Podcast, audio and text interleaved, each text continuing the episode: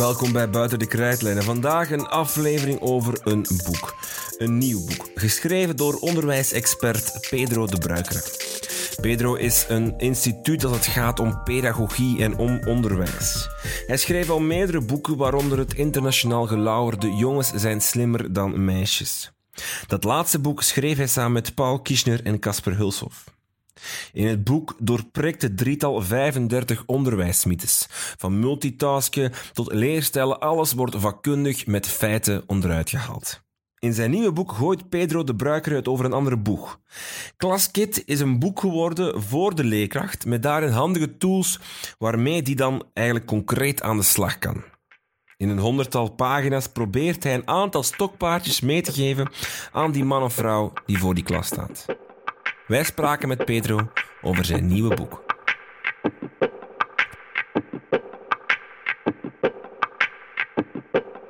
Dag Pedro de Bruikere. Een goeiedag. Ja, een nieuw boek. Uh, je, je solo-debuut, mogen we, mogen we zeggen. Je vorige boek heb je altijd samengeschreven met mensen. Nu een boek waar alleen jouw naam op staat. Klaskit. Ja, spannend. Is het, is het uh, extra spannend, extra druk? Uh, ja, feitelijk wel. Het voelt er toch apart aan. Uh, maar het is op twee manieren spannend. Uh, dit boek is ook op een andere manier spannend. Ik, ik kreeg de vraag niet van mijn gewone uitgever, maar van een Britse uitgever, of ik een boek wou schrijven. En ik heb dan met hen kunnen bedingen dat er ook een Nederlandse versie kwam. Maar het is dus mijn, mijn debuut enerzijds, en ook het eerste boek dat ik in een andere taal als eerste moest benaderen. Dus je hebt het oorspronkelijk geschreven in het Engels dan? Is dat het? Wel, ik heb sommige hoofdstukken in het Engels geschreven, sommige in het Nederlands en dan in de twee richtingen vertaald. Voor sommige onderwerpen lag het Engels beter en omgekeerd. Oh, kijk eens dan. En dus het komt ook nog uit in de, in de UK dan? Het komt wereldwijd uit in maart 2018. Het heet Classkit en het gaat eigenlijk over... Het zijn tools, uh, tips, tricks uh, voor leerkrachten uh, om te gebruiken in de lessen. Ik ga proberen uitleggen wat ik wou en, en wou bereiken met het boek. Uh, er bestaan heel veel goede boeken over wat werkt in het onderwijs. Maar er is een studie uit 2013 die aangetoond heeft, ze hebben dat berekend, dat als jij jou als leerkracht voor een wit blad zet, dan heb je 205 triljoen mogelijk werkende opties. Dat is veel, dat dat is genoeg dat is genoeg. En, en dan beperken ze zich tot de werkende opties. En, uh, en dat bracht mij op het idee van, wauw, dat is veel, dus dat kun je nooit in een boek krijgen. Uh, een tweede probleem is dat alles, heel veel werkt in onderwijs, maar niets werkt altijd. En ik dacht van, misschien is het interessant om op zoek te gaan naar dingen waar er in onderwijs, dus wetenschappelijk onderzoek, weinig discussie nog over bestaat. En niet te schrijven wat werkt, maar wat werkt wanneer en wanneer werkt het niet. En dus um, toen, de uitgever vroeg, ja, ga je een wat werkboek schrijven? Ik zei van, ga je recepten schrijven, maar ik ga uh, proberen te helpen ingrediënten beter te begrijpen. Zodat elke leerkracht zijn eigen recept kan maken voor die situatie dat hij op dat moment in zit. Die leerling dat hij aan les geeft, die klas, die context. Want daar begint je boek mee, met, met je zegt van, er bestaan geen recepten in het onderwijs. Hè. Er zijn geen, simpele, geen simpel stappenplaatje dat je kan doorlopen, dat je garandeert op een, op een toples, op waar iedereen perfect begrijpt. Was het maar waar dat dat bestond, hè? Ja, hè? dat zou fantastisch zijn.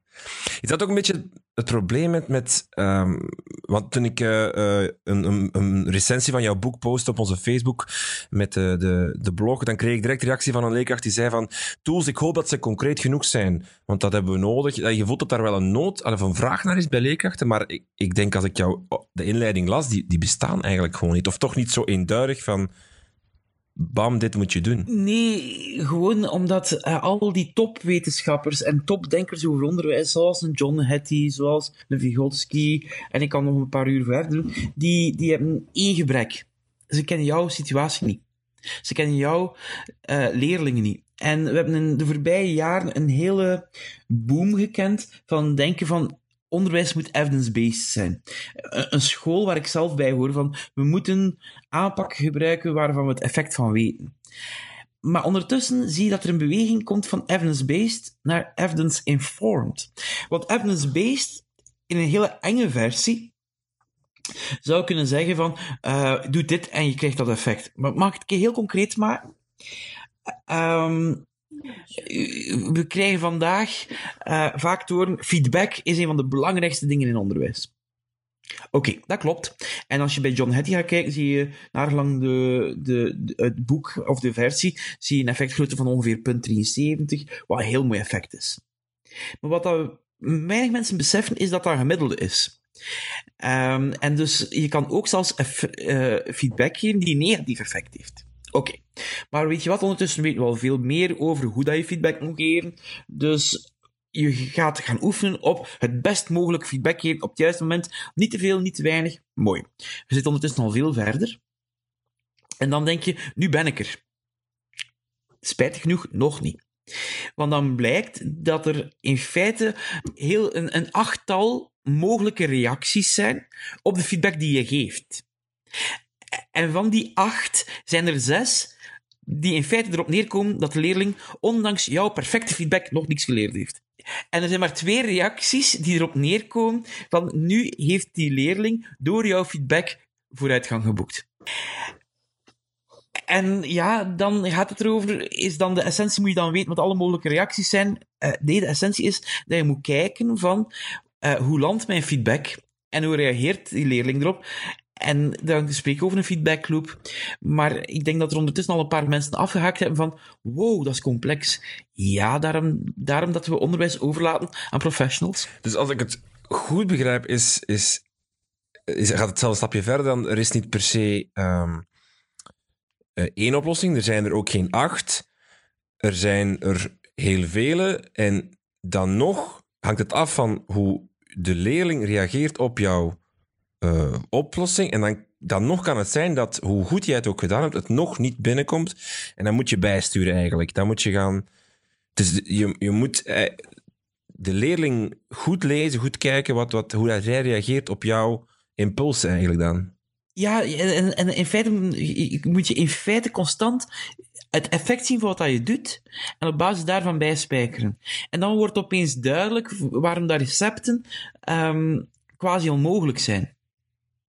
Nu, we hebben daar heel lang van gedroomd en er is een hele periode geweest in, in denken over onderwijs dat men op zoek ging naar wat men noemt teacher-proof material. En waar komt dat neer? Dat is materiaal waar de grootste idioot nog kan maar lesgeven. Dat is een droom, maar dat komt, er is weinig uitgekomen. En deze deze zomer uh, verscheen op een blog van Singularity Hub, dat ze opeens beseffen dat onderwijs het, de moeilijkste sector is om te automatiseren. Net om, door dit heel complex kluwen. En wat ik geprobeerd heb in, in het boek is leerkrachten in feite te helpen om beslissingen te nemen in dat complex kluwen. Want dat lijkt me ik ben, een beetje uh, verbaasd door wat je vertelt, omdat het, het, het komt eigenlijk allemaal neer op, op um, het lezen van leerlingen. Het is bijna gewoon um, een soort van psychologie-achtig iets dat je moet doen eigenlijk. Dat was in dit geval, als we het hebben over feedback, zit dat daar. Maar bijvoorbeeld op een ander, uh, een ander vlak, um, om een idee te geven. Een van de belangrijkste zaken die je moet weten van jouw leerlingen is hoeveel voorkennis ze hebben voor wat jij hen wil aanleren. En die voorkennis bepaalt in feite een stuk het leren in de klas. En dan is het geen psychologie, dan is het in feite jij die jouw vak goed moet kennen. jij moet weten van één, welke voorkennis hebben ze nodig voor deze les? Want zonder die voorkennis gaan ze toch al niet kunnen opletten. Of gaan ze toch niet kunnen volgen. Ten tweede, hoe kan ik te weten komen wie dat die voorkennis heeft en wie niet? En ten derde, uh, hoe kan ik de leerlingen die die voorkennis niet hebben, bijspijkeren? En nu denk je, dat klinkt gigantisch complex, maar mag dat eens heel eenvoudig maken? Uh, niet als recept, en ook hier kan ik niet van zeggen van dit werkt altijd, maar een mogelijk voorbeeld is het volgende. Je neemt vijf woorden die jouw leerlingen moeten begrijpen, moeten kennen, voordat je ze aan je les beginnen. En je vraagt aan jouw leerling om die vijf woorden in eigen taal te omschrijven. Bij het begin van de les. Gewoon schrijf dat keer op, wat betekent dat? Daarna geef je hen de correcte oplossing. Mensen die vier of vijf op vijf hebben, goed nieuws, die kunnen in feite zelfstandig aan de slag. Diegene die drie op vijf heeft, die moet misschien een korte herhalingsoefening. De, die weet het wel, maar ze zit toch nog wat ver. Maar weet je wat dat die, diegene die 0, 1 of 2 juist hebben, wat, ik, wat die nodig hebben? Die hebben een opfrissing nodig, die moeten les krijgen. Voordat dat ze zelf aan de slag kunnen. Ja, dit boek is, want ik, uh, ooit heb ik je uh, gelezen dat je vertelde dat je leerlingen, want je geeft ook les aan de Artevelde Hogeschool, aan, aan leerkrachten in wording, dat die heel veel schrik hebben om hun job te zien verdwijnen door uh, vervanging van, van robots of van computers en dergelijke. Dit boek is eigenlijk het, het antwoord dat dit gaat nooit gebeuren. Gaat Dit nooit, is onmogelijk. nooit gebeuren. Ja, ik heb geen glazen bol, wie weet. Maar uh, het wordt toch heel moeilijk. het wordt heel moeilijk. En als je kijkt naar de lijst van beroepen die het meest kans hebben om vervangen te worden door een robot, de bekende Oxford-lijst, dan scoren leerkrachten uh, heel positief over uh, zeer moeilijk vervangbaar. Um, vakkennis, daar had, je, daar had je het al even over. Het belangrijk is dat je uh, dat gebruikt om te weten welke voorkennis hebben de leerlingen nodig. Um, je wijdt er ook een hoofdstuk aan aan de vakkennis van de leerkracht. Hoe belangrijk is het? Want ik heb het gevoel dat het soms daar steeds minder en minder over gaat. Het gaat meer over hoe breng je het aan, hoe breng je het pedagogisch goed aan. Hoe belangrijk is een vakkennis nog voor een leerkracht? Wel, vakkennis is belangrijk en niet belangrijk. Sorry voor het genuanceerd antwoord. Dat moet. Eerst en vooral, uh, ik, ga een moeilijke zin zeggen, maar uh, ik moet hem correct zeggen. Er is geen lineaire verband tussen meer vakkennis hebben en een betere leerkracht zijn. Wat betekent dat concreet? Heb je vakkennis nodig om, om, om les te geven? Ja, je moet weten waar je over spreekt. Punt aan de lijn. Maar je kent misschien ook wel iemand waarvan je denkt van, wow, dat is een ongelooflijk slim iemand, maar ik versta er geen woord van. Wel, dat is geen goede leerkracht. Die is dan wel veel slimmer, heeft heel veel vakkennis, maar als je het niet kan vertalen naar het niveau van je leerling, dan ben je geen leerkracht. Een, een goede leerkracht is een soort van vertaler-tolk. Maar vakkennis is voor, voor een paar onverwachte zaken heel belangrijk. Namelijk, vakkennis is een van de belangrijkste maatregelen om je klas in, in, in, in de hand te houden. Dat moet ik even uitleggen, denk ik. Ja, om, om, omdat je kan tonen wat je, wat je weet, wat je kan. Een stukje show, wel, show dat is... Nee, nee, dat niet. Maar gewoon, als jij onzeker bent over je leerstof, dan gaat je, je energie daar naartoe. Je mentale bandbreedte gaat dan er vooral naartoe van, um, zeg ik er geen foute dingen. Waardoor dat je in feite minder aandacht kan hebben voor wat in de klas gebeurt. Dus in feite is, is vakkennis van de leerkracht belangrijk voor, voor een stuk zelfvertrouwen en de mogelijkheid om, om de aandacht naar de klas te brengen. Een tweede, en dat komt uit eigen onderzoek, um, is dat leerlingen wel het gevoel willen hebben dat je weet waar je spreekt en is dat een belangrijk onderdeel voor de relatie tussen leerkracht en leerling. Daar heb je, uh, daar, heb, daar heb je over laatst een artikel over geschreven, over authenticiteit bij leerlingen. Heb je ook een doctoraat rondgeschreven, hè? Rond, uh, bij, bij leerkrachten, Klopt. sorry. Ja, in welke mate dat uh, een leerkracht al dan niet authentiek overkomt bij de leerling. En, En vakkennis was daar toch een belangrijk ja, punt toch in, hè? Ja, dat was net, en daarom dat ik ook die link met de relatie zeg. Nu, wat wel belangrijk daarbij is, is dat de, de, de respondenten in mijn eigen onderzoek ook aangaven van, kijk, vakkennis, dat is ook de mate waarin het kan vertaald worden op mijn niveau. Dus je kan wel veel weten, maar als je het niet kan vertalen naar het niveau van de leerlingen, dan lijkt het ook voor hen niet dat je veel weet. Of dat je, dat je je vakkennis goed beheert, zal ik maar zeggen. Niet noodzakelijk. Uh, trouwens, uh, het is soms heel aanlokkelijk om moeilijke woorden te gebruiken, om dan heel vertrouwenswekkend over te komen. Maar er is genoeg onderzoek die aantoont dat dat in feite niet werkt. Oké. Okay. Wacht, ik kon dat opnieuw doen met heel moeilijke woorden, maar ik ben dat vergeten. um, misschien ook eens belangrijk in je boek is het werkgeheugen. Daar begin je ook mee in het begin. Dat leg je uit hoe dat, dat werkt. Um, het is iets waar, waar ik zelf niet zo heel veel over weet, ook niet zo heel veel heb over geleerd in, in de opleiding. Maar hoe belangrijk is het dat het leerkracht um, het werk of het geheugen van een leerling of gewoon van een mens moet, moet begrijpen hoe dat werkt?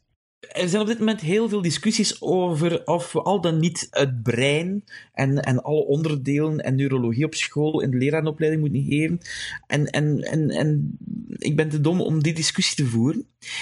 Maar er is wel op dit moment een, een theorie over het geheugen die heel invloedrijk geworden is in het denken over onderwijs.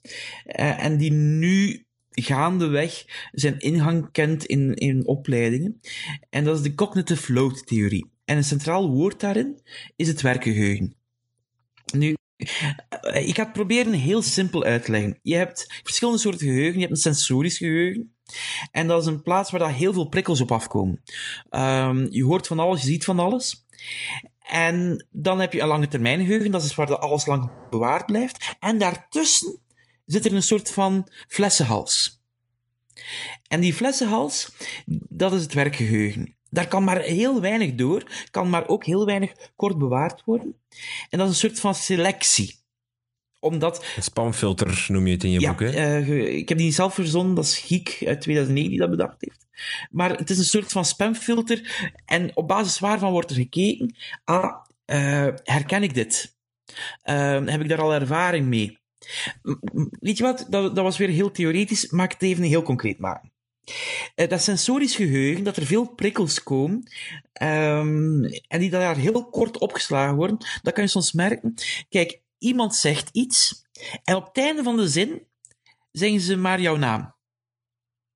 De kans is groot dat je het wel opeens toch gaat gehoord hebben, terwijl dat je niet wist dat je moest luisteren. Maar opeens komt die naam en dan wordt er gezegd van oké, die informatie die in het sensorisch geheugen zat opgeslagen, mag passeren naar het werkgeheugen. Of een ander voorbeeld over dat geselecteerd wordt. Uh, je loopt rond ergens uh, in uw school of op, op straat. En dan zijn er in feite honderden prikkels. Uh, je hoort lawaai van de tram of je hoort lawaai van mensen. En opeens hoor je een liedje uit je jeugd. Dat liedje gaat je opvallen, gaat daar bewuster mee omgaan. Waarom? Omdat er een connectie gelegd wordt tussen wat je al weet uit die lange termijn geheugen. Je herkent het. En daardoor ga je aandacht, je selectie gaan richten daarop.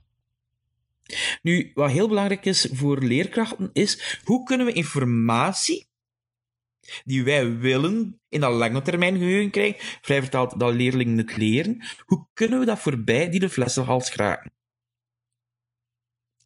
En dan zijn er in het boek verschillende zaken. Uh, bijvoorbeeld, we weten dat de combinatie van beeld en geluid, of nee, beter, ik zeg het fout, beeld en woord, dat dat wel werkt. Uh, men zegt soms een beeld zijn duizenden woorden, um, of zegt meer dan duizend woorden, maar in dit geval is het beter van een beeld in combinatie met woord werkt beter, omdat een van de theorieën die daarbij hoort is dat we twee kanalen hebben in ons hoofd. Een kanaal voor woord, en woord kan zijn gesproken woord en geschreven woord, en uh, een beeld. Gebruik je beide prima, maar wat mag je niet doen? Je mag niet een kanaal overbelasten. Bijvoorbeeld, we kunnen niet lezen en luisteren tegelijkertijd, of te veel informatie in een beeld dat afleidt, dan gaat ook weer de kans verkleinen dat de juiste informatie door de flessenhals geraakt. Dat lijkt me een heel moeilijke balans om te vinden. Is het dan, mag ik dan bijvoorbeeld een PowerPoint hebben met een afbeelding op een paar woorden tekst en zelf uitleg geven, of ben ik dan aan het overbelasten? Dat is een heel, een heel technische vraag bijna. Hè? Wel, eh, als je gaat kijken, eh, een paar kernwoorden kan helpen. Maar bijvoorbeeld u, u een beeld en uw PowerPoint letterlijk voorlezen, slecht idee. Of bijvoorbeeld ondertitels in dezelfde taal bij een video, slecht idee omdat het dan, dan is te veel input. Dan krijg je en het gesproken woord dat eigenlijk hetzelfde zegt als wat je leest. En dat, dat overlaat dan die... Flessenhals. Ja. Um, hoe belangrijk is het om het te kunnen linken wat je wilt geven aan het, het, het liedje uit je jeugd dat je daar juist als voorbeeld gaf? Om het te kunnen linken aan iets wat ze kennen, dus wat ze al... Wel, uh, het belangrijkste is dat het relevante informatie is. Dat je het linkt aan iets relevants. Uh, Um, wel, dat is in feite, we zeggen al, al jaar en dag uh, in de lerarenopleiding, wees concreet en probeer aan te sluiten bij wat leerlingen al weten of al kennen. En wat ik u net uitgelegd heb, van, dat klopt. Aan de andere kant zit er wel, weten we nu ook, dat het, als er iets fout in uw geheugen zit, als je ooit iets verkeerd geleerd hebt, dat is de pest om dat, dat te corrigeren, dat kost bloed, zweet en traan. Maar het kan wel. Het... Um, het kan wel, maar het is een van de moeilijkste zaken om misconcepties, dingen die fout geleerd zijn, om die te veranderen. Komen we dan bij het hoofdstuk herhaal, pauze, herhaal, langere pauze, herhaal? Is dat hoe je dat doet? Uh, een stuk wel, alhoewel dat uh, in feite wat je daar beschrijft een van de alleroudste technieken is die, die in het boek voorkomt. Um, dat gaat terug tot 1885. Het is een beetje zoals je Latijnse woordjes leest. Uh, herhalen, een pauze nemen of en dan nog eens herhalen, nog eens herhalen en, en zo leren. Uh, ja, maar um, er zit één ding in. Um, de pauzes tussen de herhalingen worden best langer. En, en geldt dat voor alles bij van spreken? Als je zegt van ik moet tegenwoordig 30 woordjes kennen Frans. Dan ben je al te laat begonnen als het vandaag is. Dus het gaat echt over dagen eigenlijk. Het gaat niet over ik, leer nu even, ik pauzeer 10 minuten, dan herhaal ik ze nog eens, dan pauzeer ik 30 minuten. Dat is te kort, dat traject? Kan, het kan wel helpen, je zit al met veel herhaling, maar je hebt allemaal waarschijnlijk al meegemaakt dat je de nacht doorsteekt voor dan uh, heel je leerstof te herhalen in de hoop van de dag nadien goed te presteren.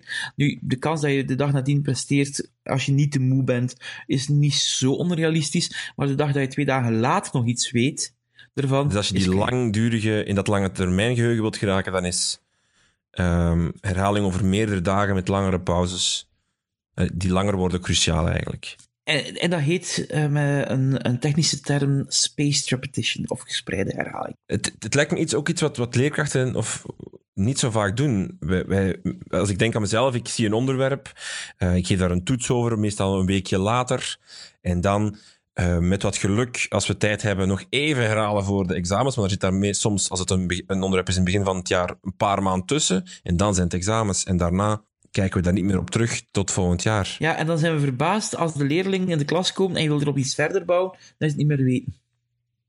Nu, opgelet, ik merk dat in veel handboeken en methodes zit het principe onderhuids wel erin gebakken. Goede handboeken bevatten wel herhaling, maar dat zijn dan vaak net die dingen uh, die... Uh, het tijdsgebrek eerst opgeeft. Komen, komen we dan misschien bij een pijnpunt, ook van wat, wat, wat jij hier allemaal aanbrengt, is, is en wat ook heel veel um, boeken en theorieën en visies over onderwijs altijd uitstralen, maar waar je toch botst bij leerkracht, is tijdsgebrek. Ik heb daar geen tijd voor. Of is dat een gemakkelijk uitvlucht van leerkrachten? Als ik één ding blij mee ben als ik uh, reacties niet op het boek krijg, is dat leerkrachten het ervaren als een lofdicht op hun beroep. Um, en ik heb heel veel liefde voor het beroep en ik heb heel veel liefde voor leerkracht, dus ik ben daar wel blij mee. Um, maar kijk, je moet altijd keuzes maken. En um, het voordeel van het beroep van leerkracht is, is dat als je vandaag uh, het eerste uur een slecht les gegeven hebt, dat je vrij snel een tweede kans krijgt. En genoeg experimenteren en met deze zaken aan de slag gaan, Um, en niet enkel met mijn dingen, die ik, ik bedoel, er zijn heel veel goede tips die ik kan gebruiken uit verschillende boeken en van verschillende mensen. En de eerste expert die tegenkomt is de leerkracht in, uw, in het klaslokaal naast u. Maar blijven experimenteren en vooral kijken naar het effect dat het heeft bij jouw leerling is cruciaal. En omdat je toch sowieso les moet voorbereiden, kan je even goed daar een stukje uh, proberen van werkt deze aanpak beter of werkt die aanpak beter. Wel, dat kun je altijd blijven doen. Want je moet sowieso je les voorbereiden.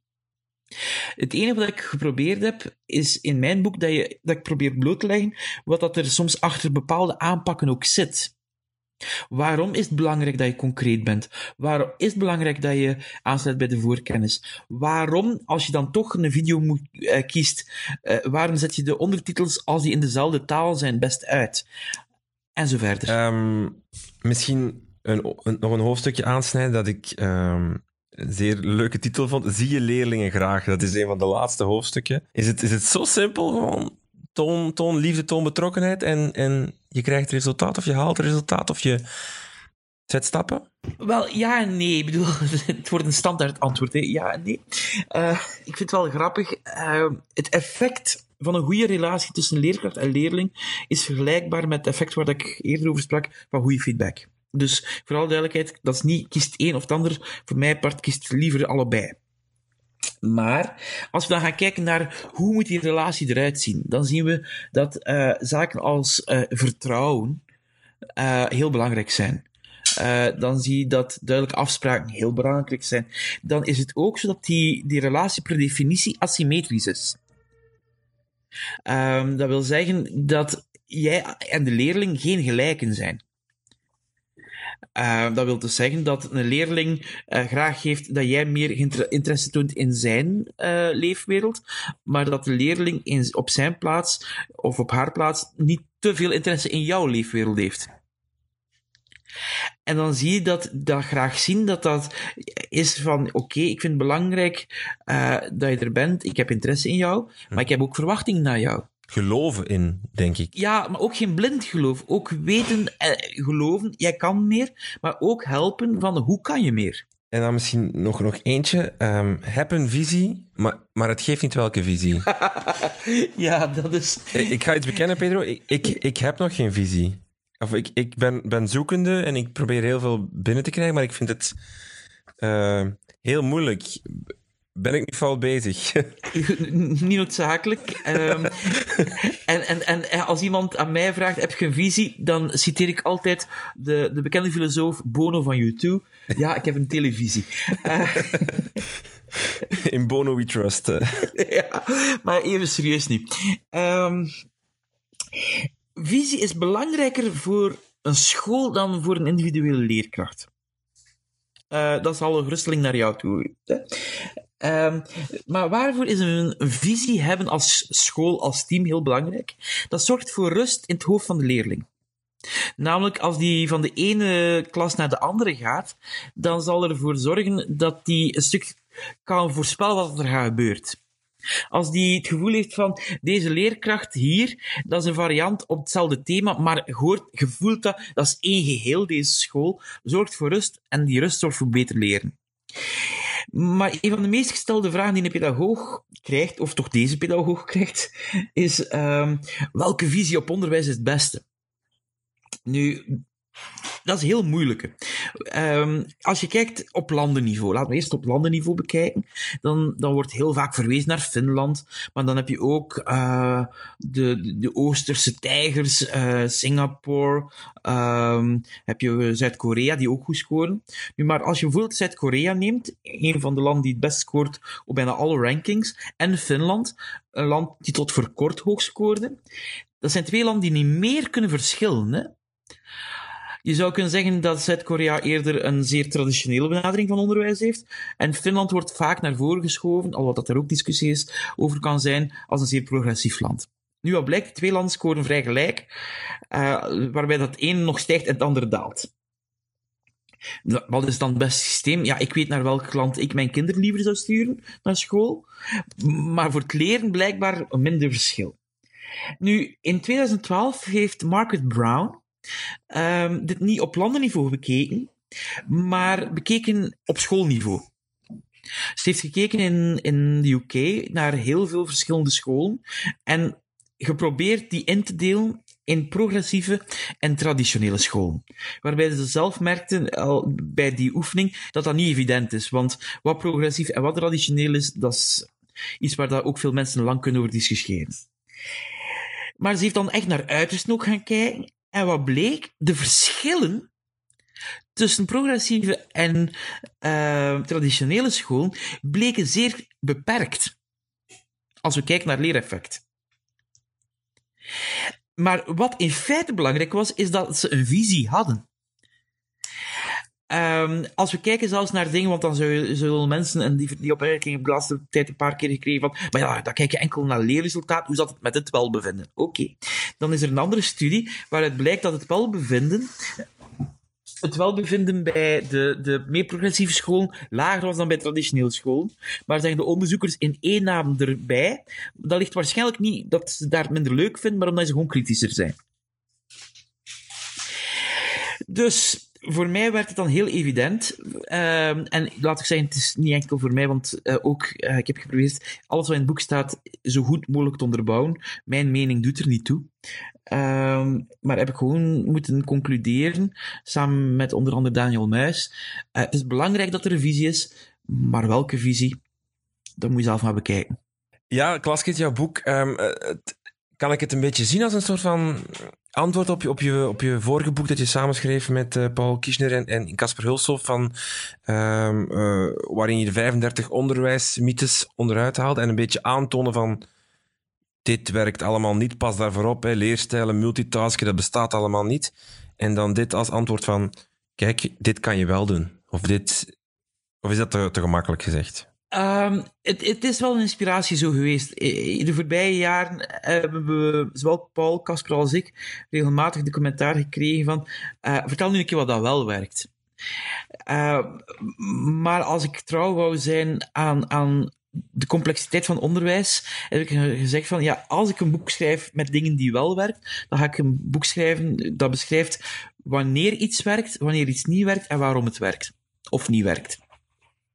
En dus op die manier is dat wel geen tegenreactie, maar voor mij een belangrijke aanvulling. Het, het moet altijd genuanceerd zijn. Het, kan niet anders, denk ik, in het onderwijs. Want, zelfs in het, in het mytheboek hadden we al uh, drie categorieën. Het ene, de ene categorie was uh, complete onzin. Wat dat er een paar keer voorkwam van, sorry mensen, dit is echt onzin. Maar veel van de dingen die men in het boek beschreven heb, eh, hebben het tweede label gekregen. Namelijk genuanceerd. En er, was, er waren één of twee, want ik ben nu aan de war omdat we aan een vervolgboek bezig zijn. Er is ook een derde categorie die een paar keer voorkomt, uh, en dat is de meest gefrustreerde categorie, namelijk we weten het niet. Er is geen evidentie dat wel werkt, er is ook geen evidentie die zegt dat het niet werkt. Of niet bestaat. Moeilijk om mee om te gaan, denk ik, voor mensen toch ook. Het, het argument en ook het, het middenste van het kan zijn dat het waar is, maar we hebben niet voldoende bewijs of voldoende materiaal om te zeggen dat het hier klopt. Dat, dat is de laatste categorie. Dat is, dat is echt een rotcategorie. En dan blijf je zoeken en blijf je zoeken. Uh, de genuanceerde, ja, noem je dat, dat kan je een, een, een, een rotcategorie noemen, maar die doet ook gewoon heel veel eer aan de werkelijkheid. Um, omdat bijvoorbeeld uh, in veel, zelfs onderwijsmythes, er heel vaak een grond van waarheid zitten. Uh, heel concreet, um, een heel populaire mythe die zegt dat we een, een rationele breinhelft hebben en een creatieve breinhelft. Uh, dat we twee breinhelften hebben en dat er verschillende functies kunnen voorkomen, of toch iets meer voorkomt dan in de ene helft en de andere helft, daar zit een grote grond van waarheid in. Die twee labels die zijn alweer fout. Om af te sluiten, uh, een kleine primeur ook uh, voor de luisteraar. Want op 2 december gaan we voor de allereerste keer een, een live opname doen van uh, Buiten de Krijtlijnen. Dan trekken we naar het podcastfestival in Gent, in Nest. We gaan daar een groot debat houden over de eindtermen, of een, een debat, een, een, gesprek eigenlijk, met een aantal gasten. Pedro, jij bent er één van. Um, en Jij bent een beetje de reden dat we dat gaan doen, want jij vertelde op een andere podcast van de collega's van Gent M, How Life Works, dat je wou dat, dat het debat over eindtermen gevoerd werd, maar breder gevoerd werd dan enkel een technische discussie uh, over, over formuleringen en over hoe moeilijk het is. Maar dat het, het gaat eigenlijk, of ik ga jou eigenlijk laten vertellen, waarom moeten we dat debat voeren? Of wat is er zo belangrijk aan? Wel, um, als je het hebt over eindtermen, dan gaat het over dat wij als samenleving belangrijk vinden dat onze kinderen kennen, kunnen en zijn. En dat is geen kleine opdracht. Hè? Um, en dat gaat zowel door te kijken naar wat moeten ze later kunnen, maar ook wat vinden wij als samenleving belangrijk dat we onze kinderen meegeven van het verleden. Wat willen we bewaren? Wat willen we hebben dat onze kinderen nog weten? Willen we weten over Congo? Willen we weten, uh, willen we hebben dat ze weten over, Peter, um, over, um, over Rubens? Of um, willen we ze leren programmeren of niet? En waarom? Dat zijn allemaal heel relevante vragen waarvan wij als samenleving dan zeggen van, dat vinden we belangrijk. En die wij, dat is dan vertegenwoordigd door het parlement, maar dat gaat wel over, over al onze kinderen, wat dan ze willen meegeven. En dat maakt eindtermen zo belangrijk. Ja. Normen en waarden, zit dat, zit dat er ook in? Of zou het er ook in moeten zitten? Of zijn we al, al het gesprek aan het voeren nu natuurlijk? We zijn een stuk het gesprek aan het voeren, maar dan merk je dat. Uh, er zitten altijd normen en waarden in. Uh, dat we hier het hebben over de Eerste Wereldoorlog en dat in, de, in Nederland bijna niemand de Eerste Wereldoorlog kent, dat is geen toeval. Um, dat wij respect misschien belangrijk vinden. Ja, dat kan een, dan kan dat een discussie zijn over de, eind, in de eindtermen. Wat wilt je daarover hebben? Als je kijkt naar uh, het gesprek dat, of debat dat door Patrick Loobuik aangegaan wordt, gaat ook over uh, normen en waarden en ook over eindtermen. Ja, het wordt uh, een interessante uh, eh, 45 minuutjes, denk ik, daar in, in Gent-Nest. Uh, we maken nog bekend wie er allemaal uh, bij zal zijn. Pedro, heel veel dank om ons te komen vertellen over jouw nieuwe boek Klaskit. Te verkrijgen op ongeveer elke boekenwinkel online, bol.com, standaardboekhandel enzovoort. Ehm, heel veel succes er ook mee en met de release in, in maart wereldwijd. Uh, een bestseller, hè, denk ik, in wording. Wie weet, wie weet. Ik hoop het. Wie weet. Pedro, heel veel dank. Dag.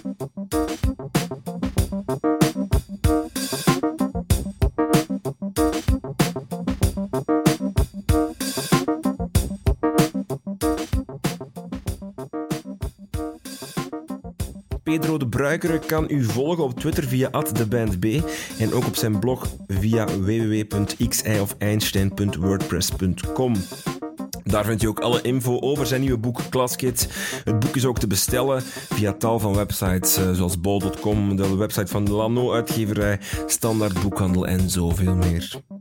Op 31 oktober zit Pedro de Buikere op de boekenbeurs. Indien u een gesigneerd exemplaar wilt, moet u daar naartoe.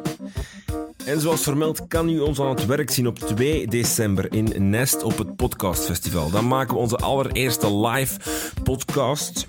We gaan dan een groot debat houden rond de eindtermen. Om 6.45 uur, kwart voor vijf, uh, beginnen we eraan. Met een prachtig panel praten we dan over wat die eindtermen eigenlijk moeten omvatten, waar dat eigenlijk over moet gaan. Alle info over deze podcast vindt u op dekrijtlijnen.be en volg ons ook op Twitter via @dekrijtlijnen. Tot de volgende.